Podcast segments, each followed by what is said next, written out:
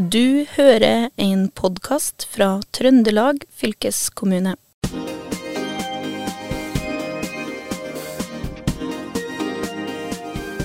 Det er så kult å gå rundt med folk som jobber innenfor bygg og anlegg, syns jeg. For plutselig peker de på et hus eller ei bru eller en vei, og så sier de det der, det har jeg vært med på å bygge.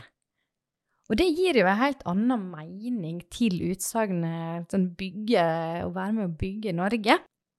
Men når vi bygger ting, da slipper vi også ut masse klimagasser. Og det jo, jo, begynner vi å forstå mer og mer ikke er, er så lurt. Men samtidig så må vi ha bygg. Vi må jo f.eks. ha skolebygg. Så i dag så har jeg fått med meg to uh, gjester.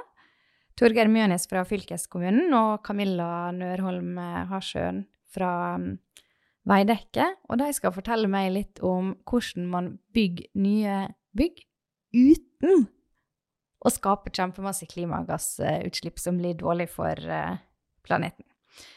Så Torgeir, du uh, har jo jobba lenge i fylkeskommunen, og da jobber jo du med å få, å få bygd hus, og ofte videregående skoler.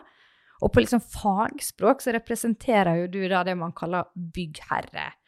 Så uh, Torgeir, kan du fortelle litt sånn uh, Har du vært med å bygge mange hus? Ja, det, det har nå blitt en del uh, opp gjennom årene, både for offentlig og privat sektor. Først som prosjektleder i ulike sammenhenger, og senere årene som rådgiver for å bygge mest mulig miljøvennlige bygg. Men i tillegg her så har jeg med meg eh, Camilla, som er miljø- og bærekraftskoordinator i Veidekke. Og enkelt sagt så jobber jo Camilla med å bygge hus, eller uh, skaffe underleverandører som rørleggere eller elektrikere, som også blir med på å bygge, bygge huset da, som han Torgeir har på en måte bestilt. Og på fagspråk så kalles jo det sånn total- eller generalentreprenør. Men Camilla, har du vært med på å bygge mange hus? Ja, det har jeg. Jeg har jo jobba til sammen i 15 år i bransjen. Eh, så det har blitt sånn ca. mellom 10-15 eh, bygg. Både skole, næring og kulturhus og diverse rundt omkring i Trondheim. Hvordan føles det å gå rundt i byen og se om her har jeg reist spor, liksom? Det er veldig gøy. Og jeg bruker det ofte til mine egne barn. Se, der har jeg vært på prosjektet, og det har jeg gjort. Og det er veldig spennende det er jo noe annet enn å f.eks. jobbe i fylkeskommunen og være sånn Ser dette saksframlegget? Ja.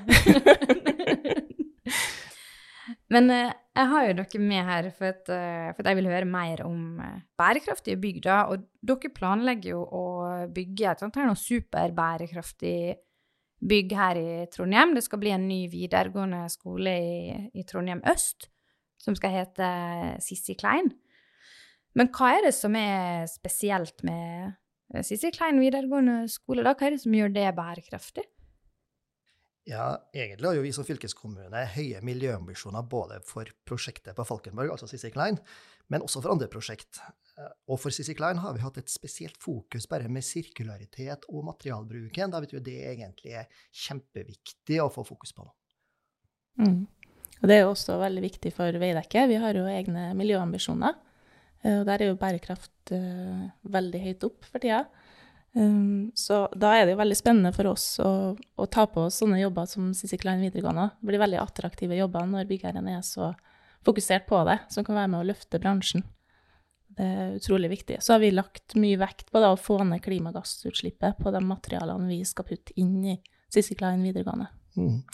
For så ser vi jo nå at Veidekke her anbefales en ny betongløsning som gir veldig lave utslipp. Og det er jo interessant både for dette prosjektet, men også egentlig for bransjen generelt. Det er det. Vi ser jo at når vi jobber med betong, så kan jo den være nesten på høyde med det å bruke tre. Eh, hvis man endrer litt på sementblandinga i betongen.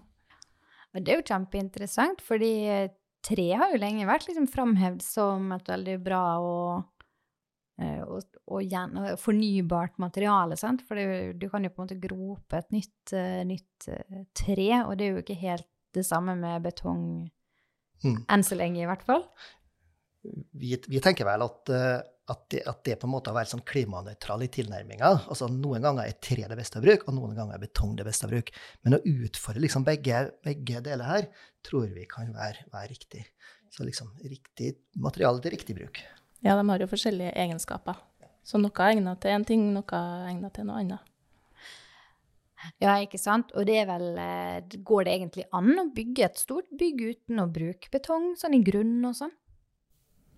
Det blir veldig ofte brukt betong under bakken, også på de konstruksjonene som er i tre. Eh, det ser vi at jeg har ikke vært med på å bygge noe der det har vært tre i, i, i grunn. Tror det blir krevende, så ja. det har vært tryggest. Og, der er det jo betong som har de, definitivt de beste egenskapene i forhold til å være under bakken. Men hva, hva er det dere gjør med denne betongen? Eh, dere skal ha en sånn mer bærekraftig betong. Hva, hva har dere gjort med den? Uh, ja, der har vi jo uh, Vi gjør jo ikke så mye med den. Vi kjøper jo betongen ferdig, men der er det at de endrer sementbestanden i betongen, for det er den som har det desidert største klimaavtrykket. Uh, så da har de endra oppskrifta på betong. Så nå har de en betong som heter SEM3, ekstrem betong, som har nesten halvert utslippet fra vanlig standard bransjebetong da, som blir brukt. Spennende. Og så nå er En ting dere har vært inne på, som jeg vet dere skal prøve å få gjort mye av på Sissy Klein, det er jo dette med, med gjenbruk, da, eller sirk sirkularitet. Og det er jo noe som vi har snakka om i Fylkespodden før. Og da har jo jeg forstått at ja, men sirkulær økonomi, eller og, og, nei, gjenbrukstankegangen, det er jo noe som bestemora mi egentlig har holdt på med alltid. Dette er noe med å ta vare på det du har, og når, en, når noe går i stykker, kanskje du kan bruke det til noe annet. Og, og, og det fremstår jo egentlig som en altså, godt, godt gammeldags bondevett. Vi kaller det sunt klimavett her i Fylkesborden. Men jeg lurer på dette her med gjenbruk av byggemateriale. da. For her ser vi jo at det blir kasta vindu, blir kasta plank masse materiale som bare går på dynga. Det fremstår veldig ulogisk. Hvorfor, hvorfor gjenbruker ikke man mer? Ja, det er egentlig et veldig godt spørsmål, samtidig som det er en del åpenbare problemstillinger knytta til det. For det første så er det vel per i dag ikke et fungerende ombruksmarked, der entreprenører og arkitekter kan finne gode, eller i hvert fall enkelt finne gode, aktuelle ombruksmaterialer. Eh, I tillegg har det vært vanskelig med tanke på regelverket, som har gitt begrensninger i mulighet til ombruk av egentlig fullt brukbare materialer. Men her skjer det en del på regelverket nå. Eh, I tillegg så, så jobber jo fylkeskommunen også med å få opp dermed markedsplasser for, for ombruk av byggematerialer. Det man egentlig holder på med, da, det er at man tar frem igjen disse egentlig gamle tradisjonene da, som eh, besteforeldregenerasjonen vår og, og, før der også holder på med. Jeg tror jeg, jeg, lurer på om ikke jeg bor i et hus der tømmerkassa kom ifra, opprinnelig kommer fra Fosen, og flytta innover. sant? Det, det, er nok slik. Det, det, var jo en veldig tradisjon før at man flytta både eh, bolighusene og stabburene, skal jeg ta si. Så, så det er det er en gammel tradisjon som vi er i ferd med å gjenopprette. Så er det litt sånn lover og regelverk som er i, i veien på et vis, da. Men det her blir utfordra på uh, Sissy Klein nå. Hva er det dere skal, hva er det dere skal bruke av gjenbruksmateriale? Eh, jo, det er ganske mye. Eh, spesielt det som er kanskje aller mest gøy, er jo at vi tenker å gjenbruke teggel fra den gamle margarinfabrikken på Buran. Eh, den har jo stått i 100 år og er nå revet. Eh, og der har vi klart å få et samarbeid med fylkeskommunen. Så er det Trondheim kommune som er inn. Eh, så har vi Høyne med oss som eksperter på teggel, Og så har vi R3 som er riveentreprenøren. Og oss da i Veidekke så har vi klart å berge mange hundre tusen stein som vi håper å få gjenbrukt som fasadekledning da, på Sissy Klein videregående skole. Så det er jo helt fantastisk. Og det, det, er jo en kjempebesparelse i forhold til klimagassutslipp, i tillegg til at taggeren har nesten evig liv. Det er det. Og så har vi jo også en del andre materialer. Vi har jo fått et godt samarbeid med Trondheim kommune. De har jo det som heter et gjenbrukslager. Der har de masse spennende produkt. Så der skal vi også få noe, eller kjøpe, da, noe skifer, som vi tenker også å bruke som fasadeelement i den nye skolen. Så det blir både kortreist og bærekraftig, det, da, egentlig, sånn sett. Ja, definitivt. Og um, Torgeir, hva, hvordan er det med Hvorfor har dere Hvorfor, hvorfor gjør dere det her? Det, blir det billigere, eller? Eh, for oss så, så, handler det om å utvikle et ombruksmarked. Eh, og det handler selvfølgelig om at vi har stille høye krav til klimafotavtrykket fra materialbruken. Det gjør at vi ikke nødvendigvis definerer hvordan det skal løses, men vi definerer at det skal løses innenfor noen klimarammer. Og så samspiller vi med entreprenøren og rådgivere og andre gode krefter for å faktisk få ned det klimafotavtrykket som vi alle er avhengig av at vi faktisk får kontroll på nå. Men så er det sånn med bærekraft, å få til bærekraftige løsninger, at det er kanskje flere veier til Rom, men et behov for å gå på flere veier samtidig for å, for å lykkes. Og en annen ting det er mye prat om, det er jo dette her med energihøsting. Altså at man eh, setter på solcellepanel f.eks. på et bygda, og så høster det masse energi. Men hva er egentlig hva er greia med det? Er, det? er det bærekraftig? Er det bra? Eh, ja, helt klart. For det vi, det vi ser, da, det er jo at uh, ved å kunne få til noe lokal energiproduksjon, så vil vi også kunne frigjøre eh, energi som kan brukes til det grønne skiftet som vi egentlig er helt avhengig av å få på plass nå. Det betyr at når vi bygger nye bygg nå, så, så er vi opptatt av å få på solceller, og også utnytte det, det grunnvarme, så kan det være aktuelt. Um, uh, og, og det, det, gjør at vi punkt én ser på om vi kan få redusert, hvordan vi kan få redusert energibehovet mest mulig så ser vi på hvordan vi kan få gjenvinne eh, varme og energi, før vi ser på hvordan vi kan få produsert eh, lokal fornybar energi. Og målet vårt er at summen av de tre tingene skal, skal munne ut at vi skal få et såkalt nullutslippsbygg. Det betyr at vi ikke bruker mer utslipp over året enn hva vi, enn hva vi produserer av ny fornybar energi.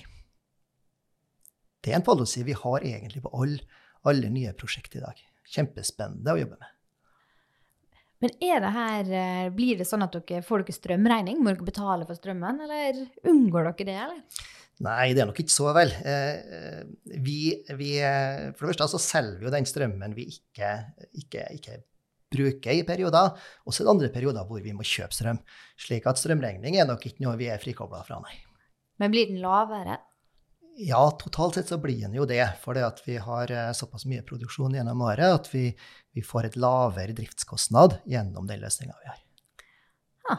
Det høres jo ganske digg ut, da, spesielt i, i, des, i, disse tider med energikrise og høye strømpriser og alt, alt mulig rart. Men hvordan er det, det Dette er jo snakk om sånn kjempestore videregående skoler og offentlige bygg, men kunne jeg gjort det på mitt hus? Ja, definitivt. Det kan du. Eh, du må jo se litt på hvor huset ditt ligger, om du har sol. Det håper jeg jo du har, men det er jo litt sånn skygge-solforhold. Eh, og så er det jo en investeringskostnad man må ta høyde for. Men vi ser jo at strømprisene øker jo, og det er jo forventa å øke enda mer. Så jeg vil jo tro at for de fleste familiene så er dette et lønnsomt prosjekt som man absolutt bør se inn i. Og så er det jo også støtte fra Enova man kan få. Det høres jo attraktivt Mamma, Mammaen min driver faktisk de driver og skal ha opp eh, solceller mm. solcelle dem nå på huset sitt. Ja. Og da tenker jeg ja, men hvis mamma gjør det, da, da må det jo være bra. ja. det er bra. Når min gamle mor begynner å investere i solceller, så må det jo ha noe for seg. Mm. Men når det kommer til dette med klima og bærekraft, så er det tenker jeg Man skal jo være litt sånn skeptisk, ha litt sånn sunn skepsis. Er det liksom, er det, blir det grønnvasking? Og nå har jo vi snakka litt om materialvalg. sant? At ja, det har, å, det, har mye å, si hva materialet du velger. Hva har det på en måte kosta da, mm. i, klima, eller i, i klimagasser å produsere dette her noe materialet, sant? Ta det i bruk. Men jeg tenker, kan jeg ta et bygg da, og så bygge det skikkelig sånn Egentlig ikke så bærekraftig ved å bare ta inn masse sånn eh, på en måte dårlig materiale da, i et sånn klimaregnskapstankegang. men så bare tapetserer jeg det med solcellepanel, og så plutselig går regnestykket opp allikevel, og så kan jeg være sånn ha da har jeg ikke strømregning, og så kan jeg si at jeg har et kjempebærekraftig bygg, liksom. Er det sånn? Nei, det der er egentlig et veldig godt spørsmål, og det er noe som vi også, når vi stiller kravene til i markedet, er ganske bevisst på at først så skal vi ha et energieffektivt bygg før vi begynner å snakke om hva vi skal ha på av lokal produksjon. Så først må man eh, bygge det så energieffektivt man bare får til. Få på godt med varmegjenvinning, gjenvinning. Og så bygger vi da solceller for det vi trenger på toppen av det. Ja, samtidig som man må selvfølgelig ha fokus på hva man bygger det i, og det totale utslippet man Absolutt. har. Men hvordan er det der? er vel noe sånn man får sånn på en måte merkevare eller stempel på, på eh, husa eller bygg man kan bygge. Slipper man, slipper man unna med den her grønnvaskingsstrategien jeg la opp til, eller er det, er det ting som vil stoppe? Det vil vel det. alltid være, være noen som vil, vil tenke i de retningene. Eh, samtidig så er det jo i ferd med å etablere seg både ordninger også på merke, altså miljømerkeordninger, som også er ganske sånn tydelige på for å nettopp å sikre at det skal gjennomføres som, som faktisk grønne bygg. Og i den sammenhengen så er også det her som kommer fra EU-nivået nå, med her EUs grønne taksonomi, er også noe som blir veldig spennende å se hvordan det slår inn i bransjen etter hvert. Hva er egentlig EUs grønne takstonomi? Vi sitter og peker på hverandre i studio, så det her tror jeg var et vanskelig spørsmål. Nei, det, det, det det er er det bransjen men ja. bruker for å måle hvor bærekraftig et bygg er, sånn at de som skal gå inn med penger og investere pengene sine, kan velge de byggene som er mest grønne. Ja, det er vel egentlig en utfordring til finansbransjen, Ja. hvor de skal ha en andel av porteføljen sin som skal ha oppfylle disse her kravene i EUs taksonomi. Da. Og det betyr at finan når finansnæringa nå kommer så tungt på banen og stiller krav til bærekraftig bygg, så vil jo det involvere hele bygg byggebransjen og alle byggherrer, som faktisk må sikre at de byggene de bygger i framtida, er bærekraftige. Så det er litt sånn penger, penger rår eh, da. Det er jo sikkert ikke så, så dumt. Det er nå i hvert fall sånn at det er med å, å medføre at, eh, at byggherrer ser en klar økonomisk interesse, i tillegg til alle de andre positive effektene av det, med å bygge grønt. Men en ting jeg eh, tar meg, det er at jeg merker jo, spesielt du Camilla, du er veldig god, eller dere er begge to, men veldig gode på dette her med å ha fokus på bærekraft og, og helheten. Men jeg merker at når jeg stiller spørsmål, og kanskje litt sånn generelt, så er det, er det fort å ha fokus på dette her med klimaendringene, sant, og klimakrise, vi må stoppe klimaendringene. Men eh, det er jo viktig med helheten i bærekraft, og der er jo 17 bærekraftsmål. Og jeg regner med at det er en, det er en grunn, grunn til det. Så jeg er litt nysgjerrig på hva gjør dere på Sissy Klein for å jobbe med bærekraft utover dette her som går på klima, klimagassutslipp og klimaendringer? Mhm. Um, vi jobber veldig mye med det, faktisk, for det er jo minst like viktig, det. Eh, Så vi, vi ser jo at vi kanskje, hvis vi ser litt rundt på det, det er jo litt sånn tolkningsspørsmål det med om du huker av bærekraftsmålene eller ikke. Men vi mener jo sjøl at vi kanskje skal klare opptil sju stykker bare med selve bygginga av bygget. Og da går det på bl.a. vannbesparende utstyr, f.eks. At de bruker mindre vann. Eh, Det kan gå på at vi utfordrer aktørene vi har med oss på å tenke bærekraftig, endre hvordan de produserer materialene. Eh, Blant annet har vi fått til det på prefab-element, som nå skal produseres med ekstrembetongen. Eh, Så er det også i forhold til økologi, da, livet på land, med der vi prøver å få til egentlig 100 steg, stedegen beplantning, i hvert fall så mye som vi får til, eh, som da er med å styrke det biologiske mangfoldet, på, også på Falkenborg. Ja, Så man tar inn eh, naturvern i, i opplegget også, altså? Ja, definitivt. Det er kjempeviktig, det er det. Og der har vi jo fått til et samarbeid med Shetland videregående, som vi håper å få til nå utover høsten, der de eh, skal se på om de klarer å hjelpe oss å dyrke fram stedegen beplantning fra bl.a. Trøndelag. som vi da kan gjenbruke i bl.a. Sissy Klein videregående, men også nye prosjekt som kommer til å komme fortløpende. Sånn at det blir et langvarig prosjekt. da. Mm. Det er jo kjempespennende i forhold til utdanning av nye og ungdommer som skal nettopp liksom lære da, denne type bærekraft.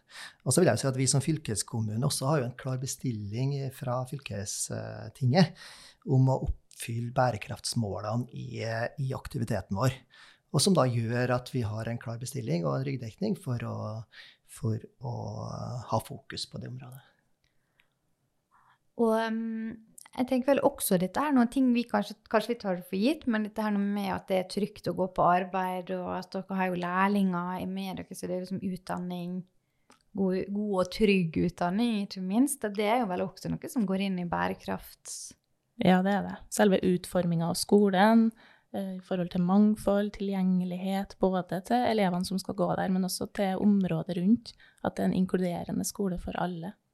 Eh, det er mm. også viktig i forhold til bærekraft. Og det med kvinneandel, lærlinger, som du sier, og opplæring, da. Og du, Camilla, på, eh, nå på Sissy Klein, så er det vel sånn at verden fungerer litt sånn at dere eh, må jo på en måte levere på, eller dere leverer jo på de kravene som fylkeskommunen, sånn som på en måte kunden eh, har satt opp og, og, bestilt. Og det høres ut som dette her skal bli veldig bærekraftig og, og bra. Men om du kunne bygge et stort offentlig bygg, og du hadde ubegrensa med ressurser, hva ville du gjort da? Eh, det er et veldig godt spørsmål. Jeg syns jo utgangspunktet Klan har veldig mye bra med seg. Så jeg kanskje ville ha spissa det med spesielt sirkularitet enda mer, med at vi har hatt enda mer penger og lengre tid å gjøre det på. Eh, sånn at alt vi putter inn i bygget, også kan gjenbrukes når bygget sin levetid er over. Eh, men også det med endringsdyktighet, at innervegger kan demonteres enkelt og flyttes rundt på. Det er jo mulig også i dag, men det har jo med seg økte kostnader. Og så er det det med gjenbruk av materialer, for det krever jo at du har noen donorbygg i andre enden som du kan hente ut, som blir litt utfordrende i forhold til omfanget av det, da. Og så jo, har vi jo i forhold til energi, så syns jeg jo Seb Flexible Lab, som ligger her i Trondheim, er et fantastisk spennende bygg i forhold til det. Uh, og så har vi det grønne tak på Vega scene i Oslo, Eh, som er helt fantastisk, og utstrakt bruk av eh, økologi, egentlig. Grønne vegger både inn og ut. Hadde jo vært kjempespennende. Altså få, få mer grønt inn i byggene. Og Tore, hvordan er det blir eh, For det er jo klart du som kunde kan jo si sier det til Veidekke sant? Nei, vi vil ha sånne her type løsninger. Men blir du ikke utfordra noe tilbake? Av, ja, for det første så er det jo kjempespennende når vi får til de gode prosessene hvor vi, hvor vi stiller tydelige krav uten å, uten å nødvendigvis vært klar på løsning, men bare hva vi måler i forhold til. Og så får vi til akkurat dette samspillet og kunnskapssamspillet mellom byggherre, rådgiver og entreprenør. Da kan vi faktisk flytte noen steiner og faktisk utvikle gode bærekraftsbygg. Men eh, så du, du driver og nevner samspill. Og jeg har jo sett for meg at hvis, eh, hvis, man skal kjøpe et hus, da, så har man på en måte hus. Så en, jeg vet ikke, en tegning av et hus, og så sier man 'hei, jeg skal kjøpe hus'. Hvem, hvem skal ha minst penger for å bygge dette huset? Jeg har en tegning av Er ikke det sånn dere gjør det? Det var vel kanskje sånn for en del år tilbake. Men, men, i dag så ser nok vi på de aller første prosjektene våre at vi velger å gå i dialog med entreprenøren og rådgiver. For nettopp å se hvordan kan vi få mest mulig hus og funksjon ut ifra de økonomiske rammene og de andre rammene vi har i prosjektet. Mm. Så, dere, så dere egentlig bare sier vi vil ha et bærekraftig hus med mye gjenbruk, og så kommer da Veidekke nå og sier ja, men det kan vi gjøre, og her er noen tanker om hvordan vi skal gjøre det. Og, da, og det er sånn, også sånn jobber dere, eller? Vi, vi, vi, vi, I alle prosjektene våre så stiller vi, har vi et sånn miljøprogram og noe vi kaller en miljøoppfølgingsplan. Og der er vi sånn ganske tydelige på hva vi ønsker å oppnå på miljøsida i prosjektet.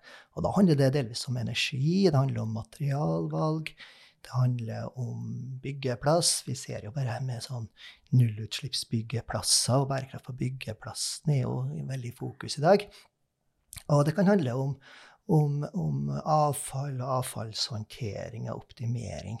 Slik at det er liksom en sett av ting da, vi, vi, vi, vi utfordrer bransjen på når vi, når vi kjører de prosjektene våre. Og Camilla, er det Nå har jo vi med han Torgeir her. Han er jo fra fylkeskommunen, så det er jo en offentlig kunde, skal jeg si. Er det stor forskjell på å jobbe med offentlige oppdragsgivere versus private? Ja, eh, både og. Vi ser jo at offentlige ofte strekker seg mye lenger i forhold til miljømål. Det er min oppfatning, i hvert fall. Men der har du også enkelte private aktører som, som er veldig på å ønske å være i bresjen. Men de offentlige kanskje hakket kvassere, og der er det jo gjennomgående på alle prosjekt. Så det er jo utrolig spennende å være med på. Okay. Og få ta del i det.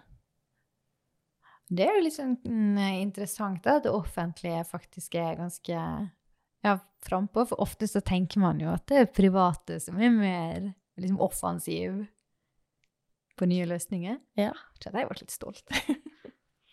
det som er litt av nøkkelen her, da, det er at vi har veldig ambisiøse politikere som er veldig tydelige på bestilling om at vi faktisk skal være framoverlent i forhold til bærekraft i, i prosjektene våre.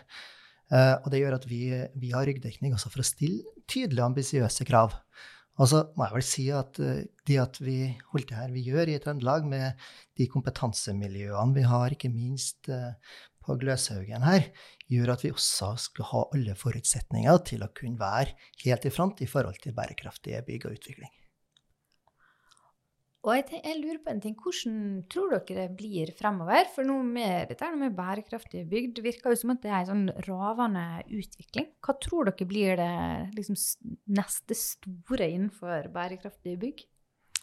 Der tror jeg det med resirkulering, ombruk, gjenbruk av bygg og det å bevare det som allerede er av eksisterende bygningsmasse, se muligheter, tenk annerledes, eh, i forhold til også hvordan bygg ser ut, at vi aksepterer litt mer økt gjenbruk også inn i kontorlokalene vi skal bo i, eller, være i, og hus vi skal bo i. At ikke alt trenger å være helt strøkent og plettfritt. Det tror jeg er veldig viktig, for vi, vi bruker jo opp de ressursene vi har i, i, verden, og det må vi bare slutte med. Mm. Og Det betyr jo også at det vil kunne komme nye fagområder, vil kunne komme nye yrker som nettopp vil handle om det til å rettelegge i forhold til ombruk og ombruk av materialer. Eh, så vi tror jo at de fleste av framtidens byggeprosjekt er basert på allerede bygde bygg. Enten at det blir rehabilitert, eller med materialer fra bygg som allerede er bygd. Slik at du går fra det vi kaller en sånn lineærøkonomi, hvor du stadig bruker nye forbruk av verdens ressurser, til i større grad å få til ombruk av, av materialer som allerede er produsert. Jeg tror, eh, jeg tror, det kommer til å bli koselig. For jeg ser for meg de måte, små bygga og sånn som jeg ser rundt omkring, der man har gjenbrukt materiale. Jeg syns det ofte har en sånn varme og ja, men Du merker jo at ting har en historie og en patina, liksom. Mm. Jeg tror vi går en lys, lys fremtid i, i møte. Jeg gleder meg til å oppholde meg i disse bygningene, som eh, baserer seg i så stor grad på, på gjenbruk.